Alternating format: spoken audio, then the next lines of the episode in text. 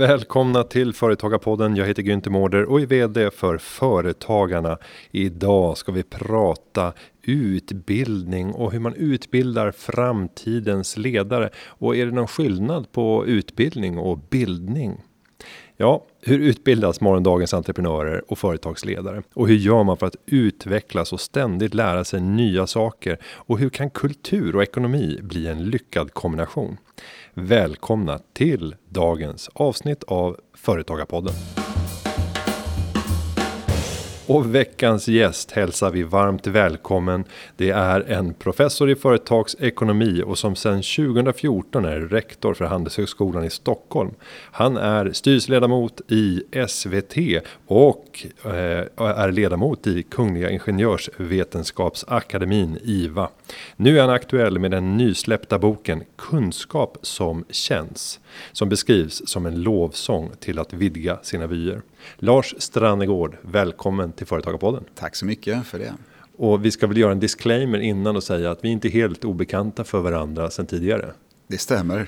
Eh, jag ju, är väl en av de som aldrig har lyckats lämna Handels efter att jag tog examen. Är det någonting bra eller är jag konstig? Du är inte konstig eh, på grund av det, ska jag tillägga först. Men eh, eh, det är ju det som är egentligen ett mål, tycker jag, att en bra eh, högre utbildningsinstitution ska ju vara öppen så att man helt enkelt kommer tillbaka på olika sätt och känner att det är en plats som man just kan komma tillbaka till och eh, där man trivs. Och jag konstaterade den här veckan så har jag fyra stycken olika saker för Handelshögskolan. Eh, så det var en oerhört intensiv och nu blir det här den femte då om vi ska räkna med podden som, som ytterligare en. Härligt att höra, det gläder mig. Lämnar aldrig. Men om vi tittar på utbildningen och eh, Handelshögskolan så är det klart att eh, pandemin måste ju ha påverkat skolan något oerhört. Beskriv, vad är det som har hänt sedan mars förra året? då gick vi ju eh, eh, direkt egentligen från att ha varit eh, fysiska till att bli eh, online. Det gick ju väldigt snabbt och det, vi var inte de enda som gjorde det men vi var faktiskt nästan bland de första i alla fall i Sverige eh, att göra det. Och, eh, och sen har vi gått egentligen fram och tillbaka. Vi har att, eh, från att ha varit en hybridlösning där det varit möjligt att följa undervisningen vare sig man har varit på plats eller, eh, eller hemma vid en skärm till att nu, eh, sedan en tid, så är all undervisning helt digital. Men vi har försökt väldigt mycket att hålla lokalerna öppna så att det är möjligt för studenterna att komma dit och sitta och plugga. För att om man inte eh, gör det då tappar man ju all eh, egentligen social kontakt. Och vad som är intressant tycker jag det är ju att eh, det går bra för studenterna. Själva plugget går bra. Eh, de är duktiga, det går bra på tentorna. Ehm, men deras psykiska ohälsa eh, är ganska, är ganska försämrad. Och de beskriver själva vilken enorm brist det är i deras liv att inte kunna ta del av sociala sammanhang, träffa andra, lära sig andra saker helt enkelt som man gör genom att träffa andra. Och vad kan man göra som institution, som handelshögskola för att råda bot på de här stora problemen? Nej, men det finns ju eh, olika digitala möjligheter med olika liksom, träffar och eh, sånt där. Men det, det, digitala är ju det digitala och man når ju bara till en viss nivå tycker jag. Eh, så det viktiga är ju att faktiskt träffas fysiskt. Och vi har ju egentligen konstaterat att en utbildning handlar ju inte alls bara om själva stoffet och innehållet i sig. Utan det är vilka kontakter man får, vilka vänner som man faktiskt får för livet. Eh, vilket sammanhang man sätter sin kunskap i och också hur man lär sig att interagera med andra. Eh, sådana saker som kroppsspråk och, och hur ens eh, argument tas emot och sådär. Sitter man bara framför en skärm och ibland med avstängd kamera så är det helt omöjligt att lära sig sådana saker. Jag tänkte också försöka lära mig lite grann av hur du ser på ledarskapet på distans. Men då kommer jag att tänka på en fråga. När jag själv satt i Handelshögskolans styrelse och var kårordförande så fick dåvarande rektorn Lars Bergman frågan. Hur många anställda finns det på Handelshögskolan? han bara såg ut som ett frågetecken. Alltså det går inte att säga. Jag ställer frågan till dig inledningsvis. Hur många anställda finns det på Handelshögskolan? Det finns eh, ungefär 120 stycken i den akademiska personalen. Ja. Ungefär lika mycket i den administrativa personalen. Eh, sen har vi ju dotterbolag då eh, dessutom. Till exempel vidareutbildningsverksamhet. Vi har doktorander, vi har olika institut som är knutna till. Så därav tror jag att han hade svårt att svara på den frågan. Det är väl där vi kommer in i, i det svåra. Att veta egentligen var går gränsen för exakt, Handelshögskolan när det är någon som är säger man då ansluten men som ändå är fri har ytterligare finansiering. Precis. Men om vi då tittar på ledarskapet över alla dessa medarbetare, kollegor och sen är det ju ett väldigt speciell, en speciell relation eftersom hon även är ledare inför alla studenter. Vad är det du har lärt under det här året som du tar med dig? Nej, men det är ju eh, i allra högsta grad att kommunikation och närvaro eh, är, är, och information är väldigt viktigt. Allt det här dagliga försvinner ju. Kaffemaskinspratet så att säga. Så att vi har ju, varit, vi har ju ökat på graden av information, eh, möten för personalen etc. Det har, ju, det har ju också blivit väsentligt fler som kommer och besöker eller, eller då loggar in på den typen av, eh, av evenemang, just personalmöten. Och eh, vi har, vår, vår mötesintensitet har ökat något alldeles eh, enormt faktiskt. Ganska tröttande också, man får mm. ju så kallad zoom-fatig, man blir helt matt. Eh, men jag tycker att det har fungerat väldigt bra. Och det fungerar ju också väldigt bra tycker jag med befintlig personal som man känner sen innan. Eh, då är det egentligen ganska problemfritt tycker jag. Men när det gäller nya personer, ehm, som vi har ju nyanställt också under den här tiden. De får man inte alls samma typ av kontakt med. Man behöver ju liksom sitta med en kopp kaffe och och, och, och, och, småprata helt enkelt för att få en känsla för vilken typ av person det är. Och allting det blir väldigt strukturerat ofta. I, menar, ett, ett, ett, ett, digitalt möte börjar liksom 00 och 0 och om någon kommer en minut sen så undrar man om det är något som är fel. Liksom. Så att den typen av småprat blir det ju inte. Så att mötena blir eh, effektiva men eh, allt det här med kreativitet och nya tankar och nya uppslag och sånt eh, får ju stryka på foten. Men om vi tittar på ditt ledarskap efter pandemin och försöker ta ut händelserna i förskott. På vilket sätt kommer det att skilja sig jämfört med tiden innan pandemin? När vi säger att restriktionerna är, borta förhoppningsvis. Ja, men jag tror att, att jag kommer än mer tänka på vikten av kommunikation och information. Det är ju väldigt, hela ledarskapet i, på en akademisk institution är ju Eh, den bygger väldigt mycket på argument. Att man liksom förklarar varför vissa eh, typer av beslut fattas. Eh, och att det är inte, det är inte, vissa organisationer där, där eh, är det okej okay att man bara säger så här blir det, så här är det, punkt slut. Men man säger ibland eh, lite skojfriskt att ett, eh, ett beslut från högsta ledningen på ett universitet ses som ett inlägg på, en, på ett seminarium. Eh, och det, är ju liksom, det betyder bara att man måste helt enkelt bara argumentera, argumentera. Och det har bara blivit ännu tydligare, vikten av det och informera hela tiden. Och naturligtvis att lyssna in. Eh, därför att om man heller inte hör kaffemaskinspratet så, så hör man heller inte vad folk säger, så att säga, vilken typ av eh, konversationer som pågår ute i organisationen. Man måste hitta liksom, eh, fora där man försöker att hålla sig ajour med vilken typ av av eh, frågor som rör sig i organisationen och var i liksom missnöje eller eventuellt nöje då, eh, ligger. Och under min tid eh, i plugget på Handels så pratades det väldigt mycket om att Handelshögskolan ska utbilda framtidens ledare i samhället. Eh, ligger det fast eller låter det annorlunda idag? Det ligger fast, eh, men man kan väl säga att det är lite grann breddat. Att det också handlar om beslutsfattare. Det är väl egentligen det som vi brukar säga, att det handlar om beslutsfattare. Eh, alla som går ut från Handels behöver ju inte nödvändigtvis bli ledare. De kan bli entreprenörer. Eh, de kan bli specialister av olika slag. Men de flesta kommer ju att de kommer att ha ett bestämmande inflytande över andra. Och de kan också utveckla sin specialistkompetens. Vi vill försöka bredda också bilden på vad det är man de facto blir eh, av Handels. Vissa blir ledare, andra blir specialister, ytterligare andra blir någonting annat. Och, och, kan inte vara en specialist, det blir lite semantik här. En specialist, kan inte det vara en ledare inom sin bubbla och den kunskapssfären som man är specialist inom?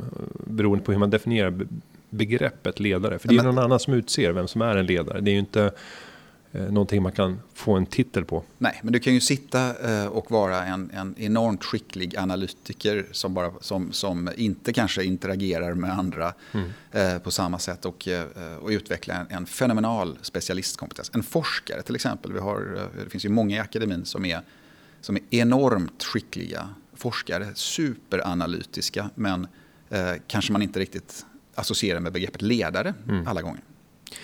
Om vi då tittar på ändå ledarbegreppet och beslutsfattare i samhället. Kommer det att bli precis som för dig? Att kommunikationen och den kommunikativa färdigheten kommer att spela en än större roll ja, efter det, pandemin? Ja, jag tror det faktiskt. Därför att eh, alltså, ledarskap handlar ju i väldigt, väldigt stor utsträckning om att eh, ja, egentligen skapa någon form av mening Eh, för andra. Att man liksom förklarar varför man gör någonting, beskriver varför någonting är meningsfullt och att man då känner någon form av engagemang. Och sättet man gör det, det är ju genom att kommunicera, berätta, sätta ord på eh, företeelser och skeenden av olika slag. Eh, och det kan man ju inte göra eh, utan kommunikation och heller kanske inte via eller någonting annat än, än eh, eller ska jag säga snarare också med hjälp av liksom estetisk kommunikation. Att man presenterar saker på ett visst sätt, att man gör det på med en viss tonalitet. Och så. så det är inte bara budskapet i sig utan det är liksom själva förpackningen av det också. Jag menar, man ser företagarna, ni, har ju, ni är ju väldigt eh, mångfacetterade i sättet ni kommunicerar. Ni har poddar, ni har olika sändningar, eh, ni har en viss eh, liksom, estetik och ett visst tonläge. Det är ju liksom ett, led, ett utövande av ett ledarskap. Det är klart att det blir ännu viktigare. Nu intervjuar jag dig istället här, men ditt mm. arbete har ju blivit eh, väldigt mycket mer också kommunikativt eh, under den här perioden. Och det tror jag gäller väldigt många som har den typen av positioner som du har. Tveklöst, om jag tänker tillbaka på min studietid så grävde jag ju efter allt som hade med eh, utveckling av kommunikativa färdigheter att göra. Så fort det fanns en möjlighet att läsa retorik eller så här kulturekonomi eller det var mycket pre eh, presentationsbaserad eh, examination och liknande. Eh, jag drogs ju till det för att öva upp kommunikativa färdigheter. Men det generella, i alla fall då, var att det var rätt skralt utbud av de kurser där man faktiskt byggde upp de kommunikativa färdigheterna väldigt omfattande. Det fanns moment, men det var inte det bärande. Ser det annorlunda ut idag? Det är ju väldigt många eh, kurser som är... Alltså själva, det är alltid så att det är själva kursinnehållet, själva stoffet, själva kunskapen som är i fokus. Det är en högskola eh, som, som är helt forskningsbaserad. Så det handlar ju alltid om stoffet i sig. Men sen är ju, är ju pedagogiken, eh, det, det, tror jag är generellt också, den har ju blivit mer interaktiv. Jag menar, detta med till exempel case-diskussioner, att man mm. har fall där man diskuterar. Där man också får en, eh, en eh, en studentpopulation som är, som är bred. Vi har ju fler och fler internationella studenter till exempel. Och då är det intressant att få andra infallsvinklar. Så om man kan använda sig av eh, studentpopulationens erfarenheter eh, och deras, deras eh, syn på världen så att säga. Då blir, det, då blir kunskapen kontextualiserad. Den blir mer intressant också. Och det ger ju möjligheter för studenterna att öva sina kommunikativa förmågor. Eh, så att det är ju väldigt mycket presentationer, det är eh, muntliga inlägg etc. Men också skrivövningar av, eh, av olika slag. Så att det, jag skulle säga att det finns ett eh, starkt inslag av kommunikativa element inbyggt i kurserna, även om kanske inte explicit gjorda som egna kurser. Och om vi då ska gå över till känsla så sitter jag med din bok som är relativt ny här. Kunskap som känns, en lovsång till att lära sig någonting nytt. Varför har Lars Strannegård bestämt sig för att skriva den här? Ja, men den är egentligen någon sorts eh, eh ja, men utbildnings och bildningsfilosofisk eh, kanske man ska säga. Manifestation av vad jag tycker är viktigt egentligen i den tid som vi lever i nu. Och då är det väldigt kort sammanfattat så är det ju så att eh, många av de färdigheter och kunskaper som vi tidigare utbildade för eh, tas ju över av maskiner och robotar, artificiell intelligens och så. Eh, så att många yrken transformeras helt i grunden. Och om man då kan man inte fortsätta att utbilda på precis samma sätt för då utbildar man liksom bara människor som blir konkurrenter till maskiner. Eh, och jag tycker det är en dum idé att se liksom att det ska finnas en just motsatsförhållande eller konkurrenssituation mellan, mellan människor och maskiner. Och då handlar eh, den, den kunskapssyn som jag förespråkar egentligen om att man ska utveckla sin potential att vara människa. Att, att utveckla alla de just potentialer och möjligheter som vi har i, i det mänskliga. Och om man gör det då positionerar vi oss så att säga visavi maskinerna. Och de blir istället våra hjälp, eh, hjälpmedel och verktyg. Och eh, då är egentligen tanken att, att försöka bredda synen på vad kunskap är. Och eh, vi sammanfattar det på Handels i en, eh, eh i en förkortning som på engelska är FREE där F står för Fact and Science-Based Mindset. Att man har en faktabaserad, man verkligen kan sina grejer, står för man måste plugga. Um, och också försöka tänka efter vem det är som försöker påverka en. I en värld av fake news, alternative facts och filterbubblor och Cambridge Analytica som äter sig in i våra huvuden och så. Så är det viktigt att veta vad är det som är fakta, vad är det som räknas som fakta. Vem är det som försöker påverka en? Men därutöver eh, så behöver man också ha en reflektionsförmåga.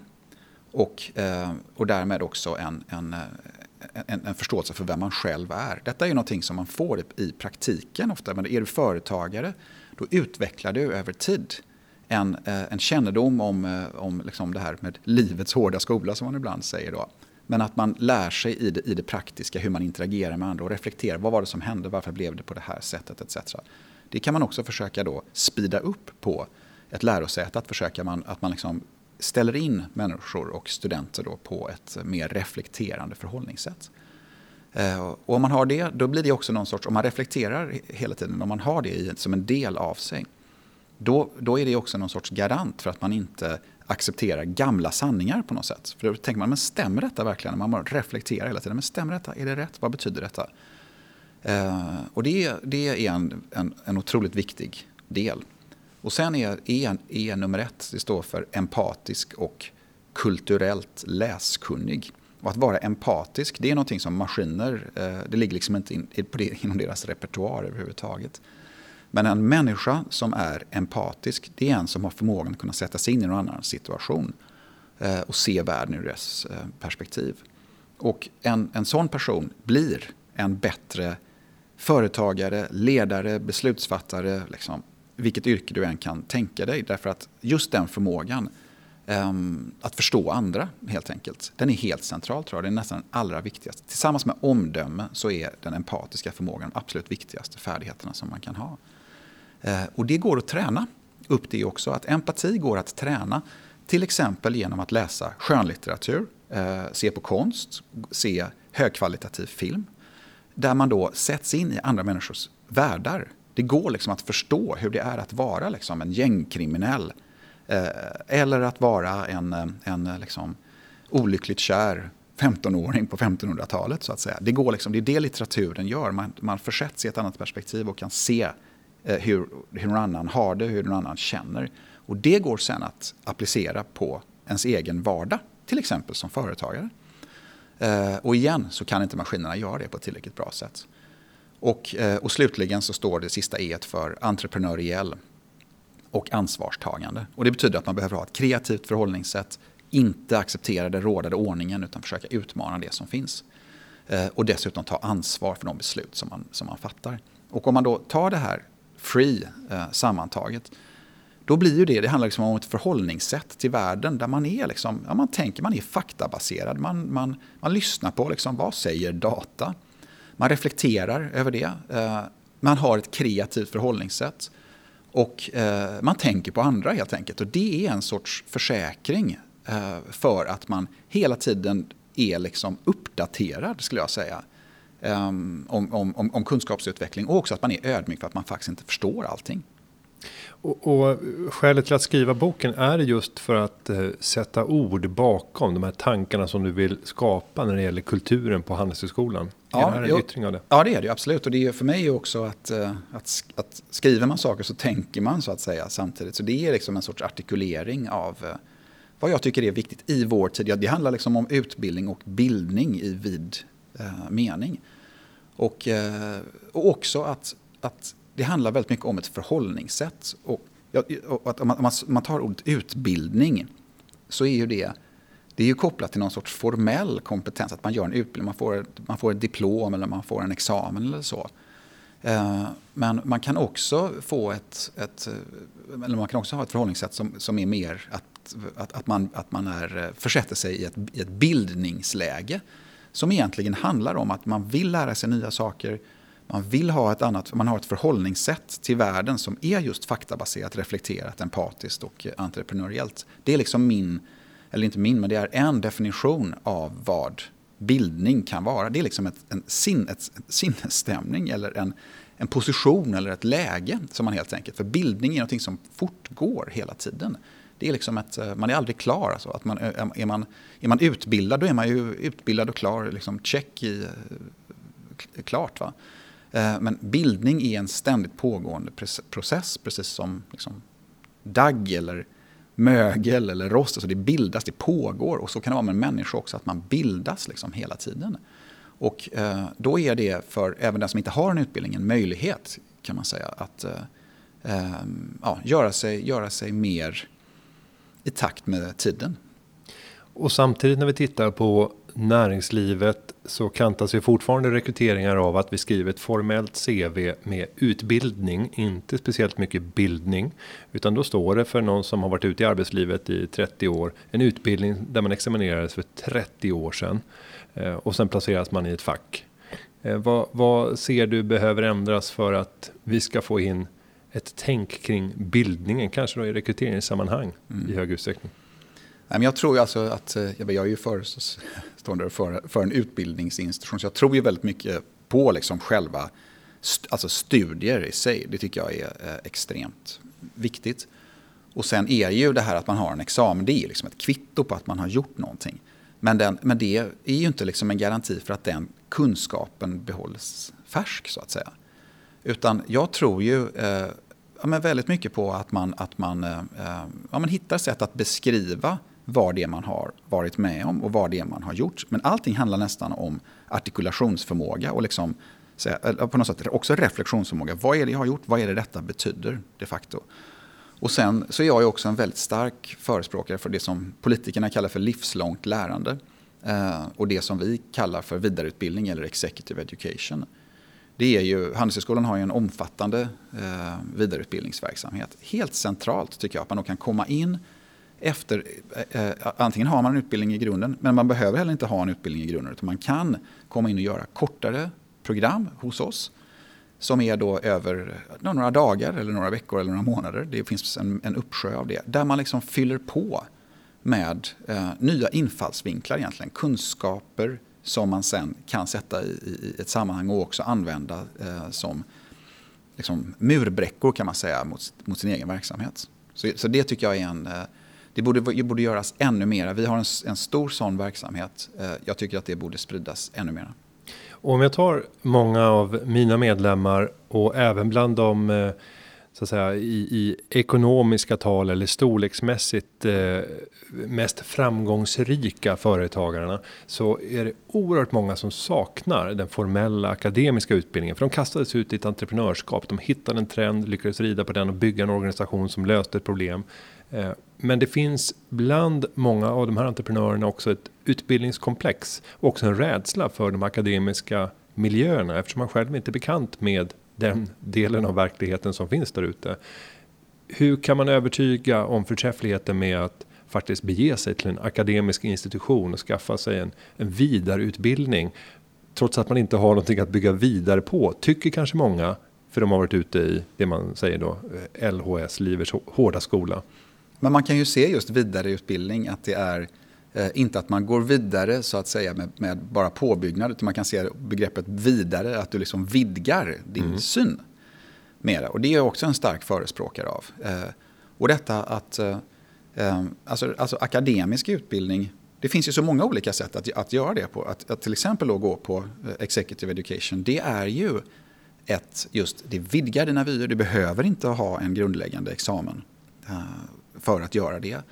Och det blir ett, ett sätt att liksom komma in i eh, ett, ett liksom akademiskt tänkesätt. Och det är ingenting som är vare sig konstigt eller svårt egentligen att göra det. Utan det är ju ett förhållningssätt bara till, till världen. Och eh, eh det gäller liksom med allting. att eh, Människor har ju olika typer av kom, komplex eller eh, eh, ja, egentligen eh, det, det, man inte, det man inte har gjort eller prövat på kanske man också tycker verkar skumt eller så. Eh, eller någonting som inte man definierar, detta är inte för mig. Och det tycker jag också är en viktig del, att man, liksom, att man säger nej men jag vill exponera mig för saker. Det finns ju så många saker som jag inte har gjort, eh, som jag också vill liksom, exponera mig för. Allt ifrån liksom, vet jag, hoppa fallskärm eller eh, göra saker som är, som är nytt för en på något sätt. Jag tycker hela den här att man vill pröva någonting testa någonting, utsätta sig för, eh, för, någon, för någonting tycker jag är otroligt viktigt. Och då, kan ju, då är ju liksom den, eh, om man inte har pluggat tidigare så är den akademiska verksamheten en, eh, någonting som är väldigt spännande helt enkelt att testa. Så om vi går tillbaka till FREE, faktabaserade reflektion, empati och entreprenörskap och funderar över det svenska näringslivet och, och företagandet. Var anser du att det finns störst potential när det gäller att utveckla färdigheter för att eh, göra vårt svenska näringsliv mer konkurrenskraft? Jag tycker nog att det eh, ändå handlar i grunden om att man ska försöka vidga eh, våra, våra, ehm, ja, synen på, på vad som räknas som kunskap på något sätt. Därför att eh, jag tycker egentligen att vårt utbildningssystem är för snävt egentligen. De flesta går eh, och, liksom, och läser ekonomi eller juridik eller ingenjörsvetenskap. Det är liksom någon sorts krav då, utbildningsmässigt alltså för att vara eh, i, i näringslivet. Jag tycker att man skulle kunna vidga det mycket mer till att säga att eh, alla möjliga typer av erfarenheter är värdefulla och viktiga och räknas så att säga. Och också då om du läser någon annan typ av utbildning så ska det också liksom vara eh, ja, accepterat så att säga. Så att allt detta som, som handlar om, om förutbestämda kategoriseringar och definitioner omkring vad det är som är okej okay och inte. Det tror jag är väldigt hämmande för ett framgångsrikt eh, företag och för vår konkurrenskraft överhuvudtaget. Så att, liksom, att man öppnar upp, har en större förståelse för att människor är olika, att att olikhet i, eh, på alla sätt, liksom, mångfaldsdimension, att man har olika bakgrunder, olika utbildningsnivåer, olika syn på, på världen. Det, eh, alltså om, man, om man hade varit öppen med det, då hade också vår konkurrenskraft ökat och vårt företagande hade stärkts. Och det du talar om nu omnämns ju ofta som det här mångfaldsarbetet, att få en mångfacetterad miljö där vi får ett, ett tänkande som representeras av olika människor med olika bakgrunder och att det skapar en konkurrenskraft. Eh, om du ska beskriva hur du tänker för att skapa den konkurrenskraften och, och den mångfalden som du vill ha på Handelshögskolan. Vad har du gjort som ledare för att åstadkomma det? Dels så har ju vi då egentligen gått från att ha varit en i allt väsentligt svensk handelshögskola till att försöka bli en internationell handelshögskola som är baserad eh, i Sverige. Och eh, det betyder ju att vi rekryterar både studenter och lärare, professorer, forskare, eh, andra, andra anställda från olika länder.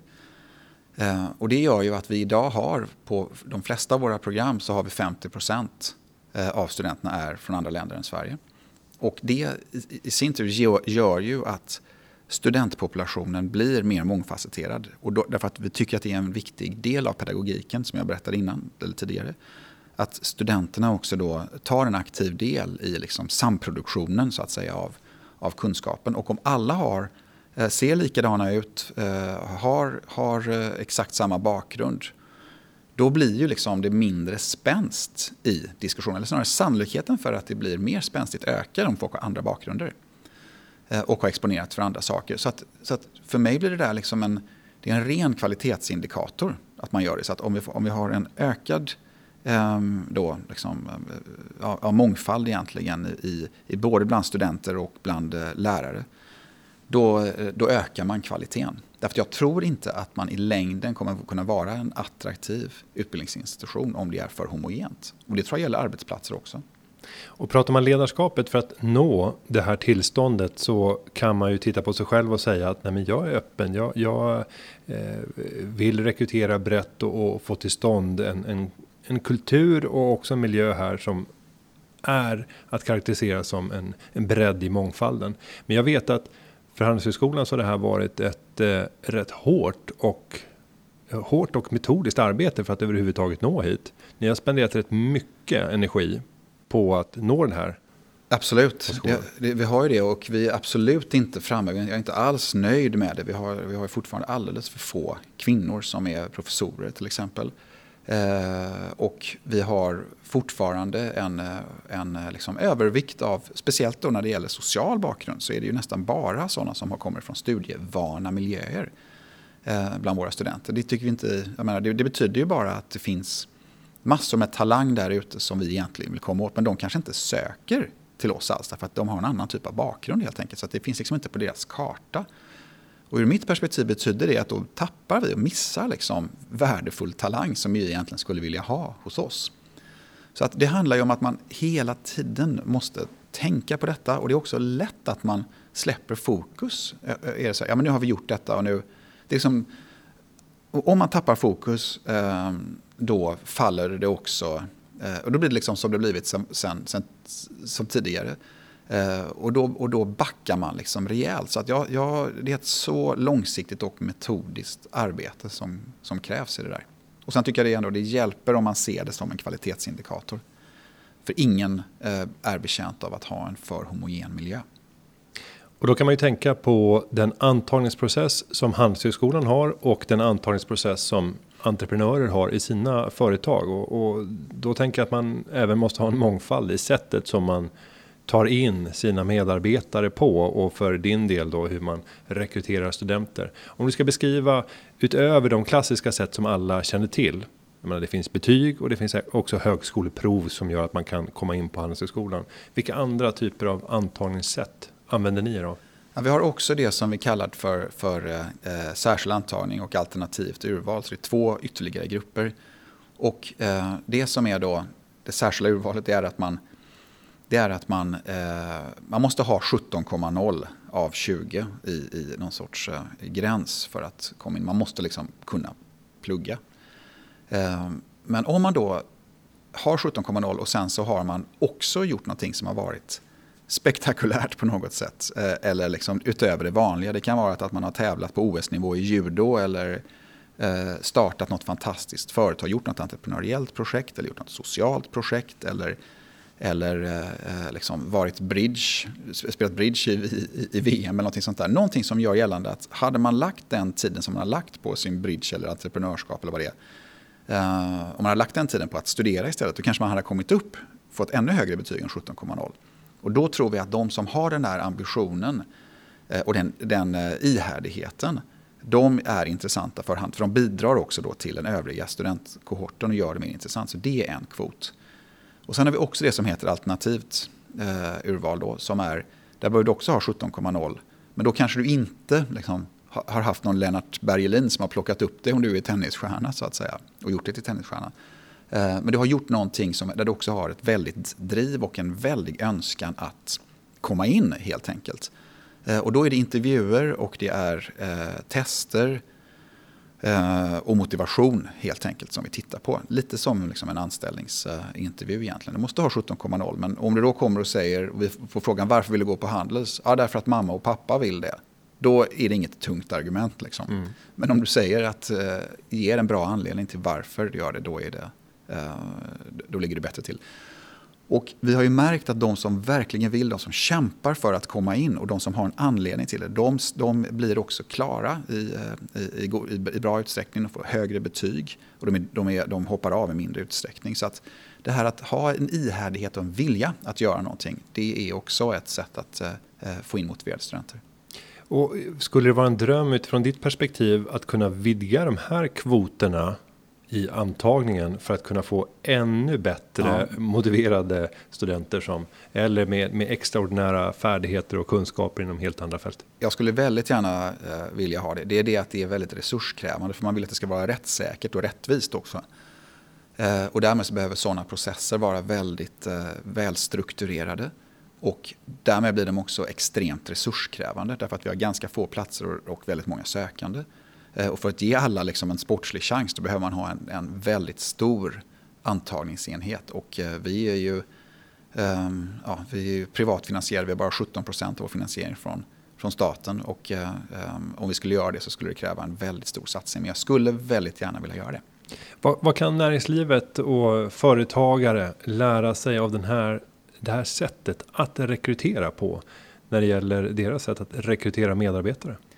Jag tycker att det finns en, eh, ett kapitel faktiskt i den här boken också som handlar om detta. Eh, och då är det, en, det finns en skämtteckning där det sitter en farbror som då är, är ansvarig för antagning eller, eller då rekrytering kanske.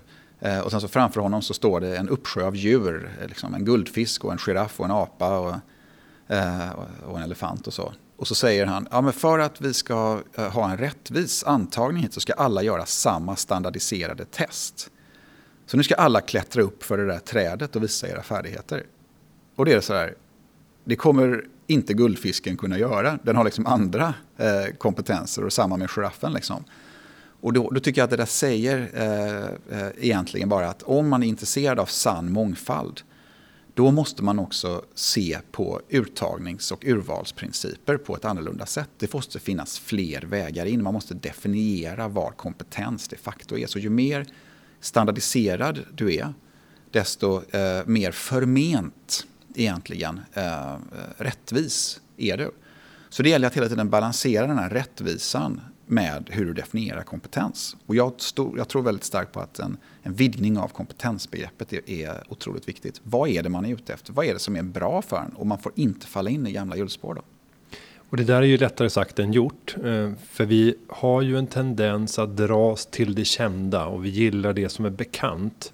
Mm. Eh, och det är ju inte det bästa sättet för att attrahera oliktänkande eller våra våra motpoler kunskapsmässigt eller erfarenhetsmässigt. Hur ska vi göra för att bli av med det där invanda som vi har där vi dras till sådana där vi kan känna igen oss själva? Jag tror att det är Uh, man behöver ha liksom dels strukturerade processer för det och tänka efter, har, vi, har jag gjort rätt eller har jag gått in i hjulspår hela tiden? Det är liksom sådana checkpoints på något sätt.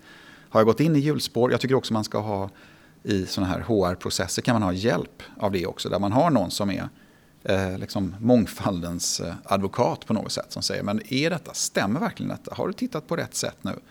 Eh, har ni gjort en tillräckligt bra screening? Att man hela tiden ligger på. Det är, det är den här med ihärdigheten i den här frågan som är så viktig. Och som jag igen då tycker vi, eh, vi, vi som så många andra behöver bli ännu bättre på. Om vi går över till eh, entreprenörskapet så vet jag att det har skett en enorm förskjutning på Handelshögskolan när det gäller studenters intressen för, för entreprenörskap. Och om jag går tillbaka till min eh, tid då jag byggde den första relationen till Handels. Det var på 90-talet när min dröm startade att jag ville studera där. Eh, då när man pratade med studenter så var det inte entreprenörskapet som dominerade. Då var det framförallt att få ta sig vidare till London primärt för att få arbeta inom finans i någon av de stora bankerna. Går man tillbaka till 70-talet så var det förvaltningsekonomi och att få jobba i statlig, alltså den offentliga förvaltningen för höga tjänster. Och idag när jag möter studenter så uttrycker väldigt många, och du har säkert siffror på det här, att de vill bli entreprenörer. De säger inte företagare, de säger entreprenörer. Mm. Eh, hur ser du på den här utvecklingen? Den är ju jätterolig tycker jag. jag menar, det, det som jag ser det är ju att det finns en just faktiskt större mångfald bland intressen. Eh, den, den utveckling du beskriver är helt eh, sann. Men det är ju inte så att det har blivit en, Eh, ett, ett minskat intresse heller för att vara bankir i London. Utan det är många som fortfarande vill vara det. Gå in i eh, och, och, och liksom arbeta som managementkonsulter och så på de stora konsultbolagen och eh, investmentbankerna. Så det tycker jag är roligt att det faktiskt finns kvar också. Men det är bara roligt eftersom det finns så många andra saker som också har vuxit. Och just entreprenörskapet har ju blivit väldigt eftertraktat. Och det är ju för att man omges ju som, alltså att, att, att vara företagare, vara entreprenör. Ehm, eh, det är liksom har blivit en del av nästan populärkulturen som det är nu idag. Det är liksom någonting som, som har, har nått någon sorts rockstjärnestatus nästan. Såklart drivet av Silicon Valley och hela den amerikanska drömmen om det. Men jag tycker i grunden att det är väldigt roligt eh, att det sker. Och vad som också är roligt är att vi har ju vårt vårt business lab, alltså som är vår inkubator. Där eh, eh, hon som är chef över det, som heter Julia Delin, hon är otroligt inriktad just på mångfaldsfrågor. Eh, och där också på hållbarhetsfrågor. Så att eh, de som vill komma in eh, och bli eh, antagna till, till labbet, de måste förklara på vilket sätt bidrar de till att lösa hållbarhetsproblem. Eh, och på vilket sätt så så, um, så adresserar de mångfaldsfrågor. Det är liksom ett sätt att det är inte liksom ett krav att det ska göras. Men det blir en, liksom en checkpoint. Det är så här, då kan man motivera varför ens team ser ut som det gör. Eller varför den fråga man söker lösa ser ut på det sättet som det gör. Eller finns det ett annat sätt att tänka på detta också? Det tycker jag är ett bra exempel på hur man kan få de här checks and balances på något sätt. På att man, att man inte tappar fokus på frågorna. Så där tycker jag eh, labbet där hos oss har lyckats på ett bra sätt. Och om vi ska slå ett, ett slag för SSI Business Lab så kan vi ju också nämna att för att bli antagen så krävs det att det finns en student eller någon person som har en koppling till Handelshögskolan. Men ja. övriga teamet kan vara från andra platser. Ja, just det, precis. Så, så det, det, kan vara en alumn också, någon som har gått där eller så. Och, och, det här skapar ju fantastiska möjligheter för dig som ska bygga ett team och skapa ett företag. Här finns det alltså en inkubator, en plats där du kan få komma in i en entreprenöriell miljö, sitta tillsammans med andra företagare och få mängder av eh, access till kunskaper och, och eh, eh framförallt så är det väl miljön som jag tror att det är viktigast att komma in mm. i en plats som bara kokar med andra entreprenörer som vill förverkliga sina drömmar. Mm. Men försök hitta en eh, student eller en alumn, för det behövs också en, en ekonom. Du kanske är eh, någon som sitter med medicinsk teknisk kunskap eller en ingenjör eller liknande. Eh, det är väl ett bra tips? Jättebra tips. Men om vi går vidare och, och bara tittar på entreprenörsbegreppet så är det ju just det här entreprenörsbegreppet fyllt av hela startup-kulturen. Man pratar mycket global scale-up. Det möter jag ju ganska lite i min vardag här som vd på, på Företagarna. Här är det ju mer så här, här gnetar vi på. Man kör 15-20 år och det tog fem år innan det blev lönsamt. Men sen har det inte varit olönsamt ett enda år. Vi växer försiktigt med de medel som vi drar in. Eh, finns det en risk att vi får en liten skev syn kring vad företagandet är när drömmen om entreprenörskapet gestaltas genom de framgångsrika personer där flera av dem är sprungna ur Handelshögskolan också och flera av dem har blivit så miljardärer innan de var 40. Mm. Nej, men det är ju så att för det första så, så finns ju i samhället det som kallas för undersampling of failure, det vill säga att man ser ju inte eh, att man ser bara de här fantastiskt framgångsrika Eh, projekten. Medan eh, sanningen är ju att nästan, nästan allt misslyckas ju så att säga. Mm. Och det är ju dessutom så att det, det, det är min övertygelse, det är ju att för att man ska kunna göra någonting bra så är det ju bara, det finns ju inga genvägar förutom hårt arbete liksom. Eh, och det tycker jag också är viktigt att man försöker inympa i handelsstudenter. Att det finns, alltså snabba, snabba cash så att säga är ingen Eh, det är liksom ingen eh, sympatisk eller realistisk inställning utan man behöver faktiskt jobba på. Man måste lägga in eh, timmar liksom och gneta på. Det tror jag är liksom det, det, det, man ser då utav de här som sagt snabba tillväxtbolagen och så. De är ändå absolut undantag mer än regel. Så jag tycker det är viktigt också att man får en, en realism. Liksom. Det är också vad en utbildning ska ge. Att så här är det Eh, faktiskt. Så här lång tid kan det ta. Jag tycker också långsiktighet är någonting som är väldigt viktigt att försöka eh, få, få folk att förstå. Och eh, unga är ju, är ju eh, liksom vana vid snabbt tempo. Och även där tycker jag då att vidareutbildningsverksamhet är väldigt bra därför att det ger just den här långsiktighets, eller inblicken i att det faktiskt tar tid. Bra kvalitet tar tid och tillväxt tar i väldigt många fall också väldigt lång tid. En hel del av våra lyssnare är personer som bygger upp sina kunskaper och vill så här, tänja tanken och de har inte ännu startat sitt företag. Men de drömmer om att göra det och det här att lyssna på den här podden kan vara en del i den förberedelsen. Vad skulle rektor för Handelshögskolan Lars Strannegård göra för medskick till de här som när drömmen om att kastas ut i entreprenörskapet efter pandemin? Nej, men då tycker jag, jag har skrivit en bok som är väldigt intressant, så den kan man läsa mm. eh, faktiskt. Eh, det tycker jag, som då heter Kunskap som känns. Um, men eh, jag tycker också egentligen att ofta är det ju de idéer som kommer till när man minst anar det som blir de som är eh, mest intressanta och givande. Själv får jag ju väldigt mycket idéer i duschen. Det är liksom då det är egentligen mitt enda bästa sättet där jag, där jag tänker. Så jag tror väldigt mycket på att man exponerar sig för många olika typer av intryck. Läser mycket, ser mycket, lyssnar på mycket. Eh, och sen tar sig tid till någon sorts reflektion som jag gör i duschen i mitt fall. Eh, och om man gör det då tror jag att man samlar tankarna på ett annorlunda sätt och exponerar sig för nya saker. Så att då är det liksom ta allting, lyssna på eh, poddar, lyssna på sådana här TED-talks. Gå gärna en, en eh, onlinekurs i någonting som är fantastiskt som man faktiskt kan göra från, från enastående universitet. Eh, gå kanske en vidareutbildningskurs kurs av något slag och eh, vara öppen för världen helt enkelt. Du beskriver vetgirighet och nyfikenhet och nu har alla långduschar också fått ytterligare ett argument som man skulle kunna använda. Eh, finns det någon whiteboard eller liknande för att samla alla de här idéerna? bara I duschen? Och, ja, jag bara sitter och tänker på den här kritiska momentet när du ska ta dig från duschen och sen så till den plats där du kan teckna ner de här idéerna. För mycket försvinner ju. Ja, de gör det. Men det som försvinner får försvinna tycker jag bara för min ja. del. Då kanske inte är tillräckligt bra. Uh, nej, men det är egentligen bara att, att, ja, att det kommer samman. Sen är det jättebra att skriva ner uh, saker, absolut. Men det är som sagt svårt att göra det i duschen. Det säger en synnerligen ren Lars Strannegård. Stort tack för att du kom till Företagarpodden. Tack för att jag fick komma.